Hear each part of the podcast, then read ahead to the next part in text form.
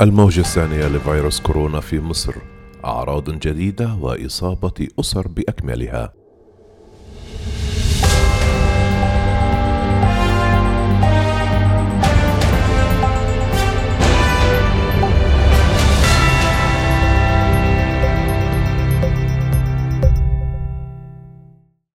أعراض جديدة لفيروس كورونا المستجد ترتبط بالجهاز الهضمي بشكل أكبر مثل الإسهال والقيء وألم المعدة. إصابة جميع أفراد الأسرة الواحدة بالفيروس وحاجتهم لتلقي العلاج في المستشفى. استمرار أعراض المرض لشهور بعد التعافي أو ما يعرف بكوفيد المزمن أو الممتد. فئة الشباب الأكثر حضورا بالموجة الحالية بدلا من كبار السن. كانت تلك بعض الظواهر والمستجدات التي رصدها أطباء يعملون في مستشفيات العزل بعدد من محافظات مصر وترتبط بالموجة الثانية من كوفيد 19 الذي ينتشر بشكل سريع في البلاد. كان مستشار رئيس الجمهورية للشؤون الصحية محمد عوض تاج الدين قد أعلن قبل نحو شهر بدء موجة كورونا الثانية في مصر وتحديدا الخميس في السادس والعشرون من نوفمبر المنصرم. وفي بداية الموجة الثانية بلغ معدل الإصابات اليومية 365 حالة مسجلة لكنه قفز الأربعاء اليوم التاسع والعشرين من الموجة ليصبح 911 كما تم تسجيل 42 حالة وفاة في اليوم ذاته. يأتي ذلك وسط تحذيرات مسؤول الحكومة ووزارة الصحة بتجاوز الإصابات اليومية الألف إصابة خلال أيام والثلاثاء الماضي أعلنت وزيرة الصحة المصرية قرارات عاجلة تزامنا مع مستجدات فيروس كورونا وظهور السلالة المتحورة منه. ووجهت الوزيرة بغلق قاعات الأفراح ومراكز الدروس الخصوصية وحظر إقامة سرادقات العزاء وغيرها من التجمعات التي تعمل على زيادة انتشار العدوى. في ظل الانتشار السريع لفيروس كورونا في مصر أبرز مدير العناية المركزة بمستشفى حميات الإسماعيلية الطبيب محمد خالد في حديث عن ظواهر ومستجدات ترتبط بالموجة الثانية للفيروس من واقع معايشته اليومية للإصابات. قال إن أغلب أعراض كورونا في الموجة الثانية أصبحت ترتبط بشكل أكبر بالجهاز الهضمي وتتمثل في المغص والإسهال الشديد والقيء مع فقدان حاسة الشم والتذوق. وذلك إلى جانب استمرار وجود الحالات المصحوبة بأعراض تنفسية شديدة مثل السعال الجاف فضلا عن الحمى.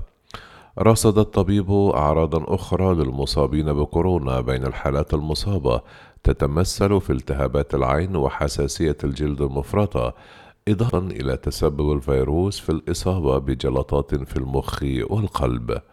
ونبه أيضا إلى تردد أسر كاملة أب وأم وأبناء على مستشفيات العزل لتلقي العلاج اللازم بعد إصابتهم بكورونا المستجد بخلاف استقبال أفراد فقط بالموجة الأولى.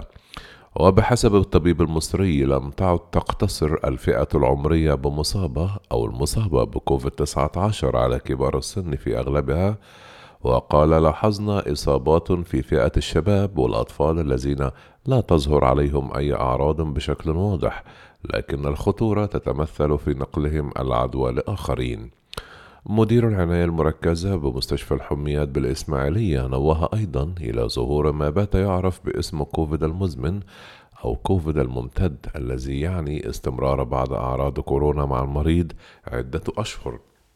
رغم تعافيه حيث يستمر الإعياء والإجهاد في ملازمته. وإزاء خطورة الموقف دعا إلى الوقاية وتطبيق الإجراءات الاحترازية اللازمة. وأهمها التباعد الاجتماعي وتجنب التجمعات والزحام وارتداء الكمامة التي اعتبرها حاليا اللقاح الآمن. من الإسماعيلية إلى الإسكندرية تستعرض أخصائية الأمراض المعدية في مستشفى الحمية الطبية مستجدات الوضع الوبائي لفيروس كورونا. تقول الطبيبة نحن في بداية ارتفاع المنحنى التصاعدي للموجة الثانية ومن المتوقع أن تصل لذروتها مطلع فبراير المقبل محذرة من أن الفيروس في هذه الموجة أكثر انتشارا وخطورة أشارت إلى أن المستشفى التي تعمل بها أصبحت كاملة العدد سواء على مستوى الأسرة أو الرعاية المركزة والحالات بها بين متوسطة إلى شديدة الخطورة. لكنها تؤكد أيضا نحن على أهبة الاستعداد لأي طوارئ أو زيادة في الأعداد مشيرة في هذا الصدد إلى وقف جميع أجازات الأطقم الطبية في كافة المستشفيات. ذكرت أيضا أن الموجة الثانية لدى العديد من المرضى باتت تجمع بين الأعراض التنفسية مثل السعال الجاف والالتهاب الرئوي وأعراض الجهاز الهضمي مثل الإسهال والقيء والآلام الحادة في المعدة. كما أبرزت أن متوسط الإصابات من الفئة العمرية بين خمسة وثلاثون وخمسون عاما تجاوزت العشرون بالمائة بالموجة الحالية. ونسبة من هم فوق الخمسين تتجاوز خمسة وخمسون بالمائة بين الإصابات الكلية لمجمل الحالات التي ترد إلى المستشفى. تحدثت أسماء الأحمر عن اللقاء الصيني الذي استقبلت مصر أول دفعاته في العاشر من ديسمبر الجاري حيث قالت أخصائية الأمراض المعدية بحميات الإسكندرية للحكم على اللقاح وهل هو فعال وآمن أم لا فالأمر لا يحتاج لاستمرار التجارب السريرية.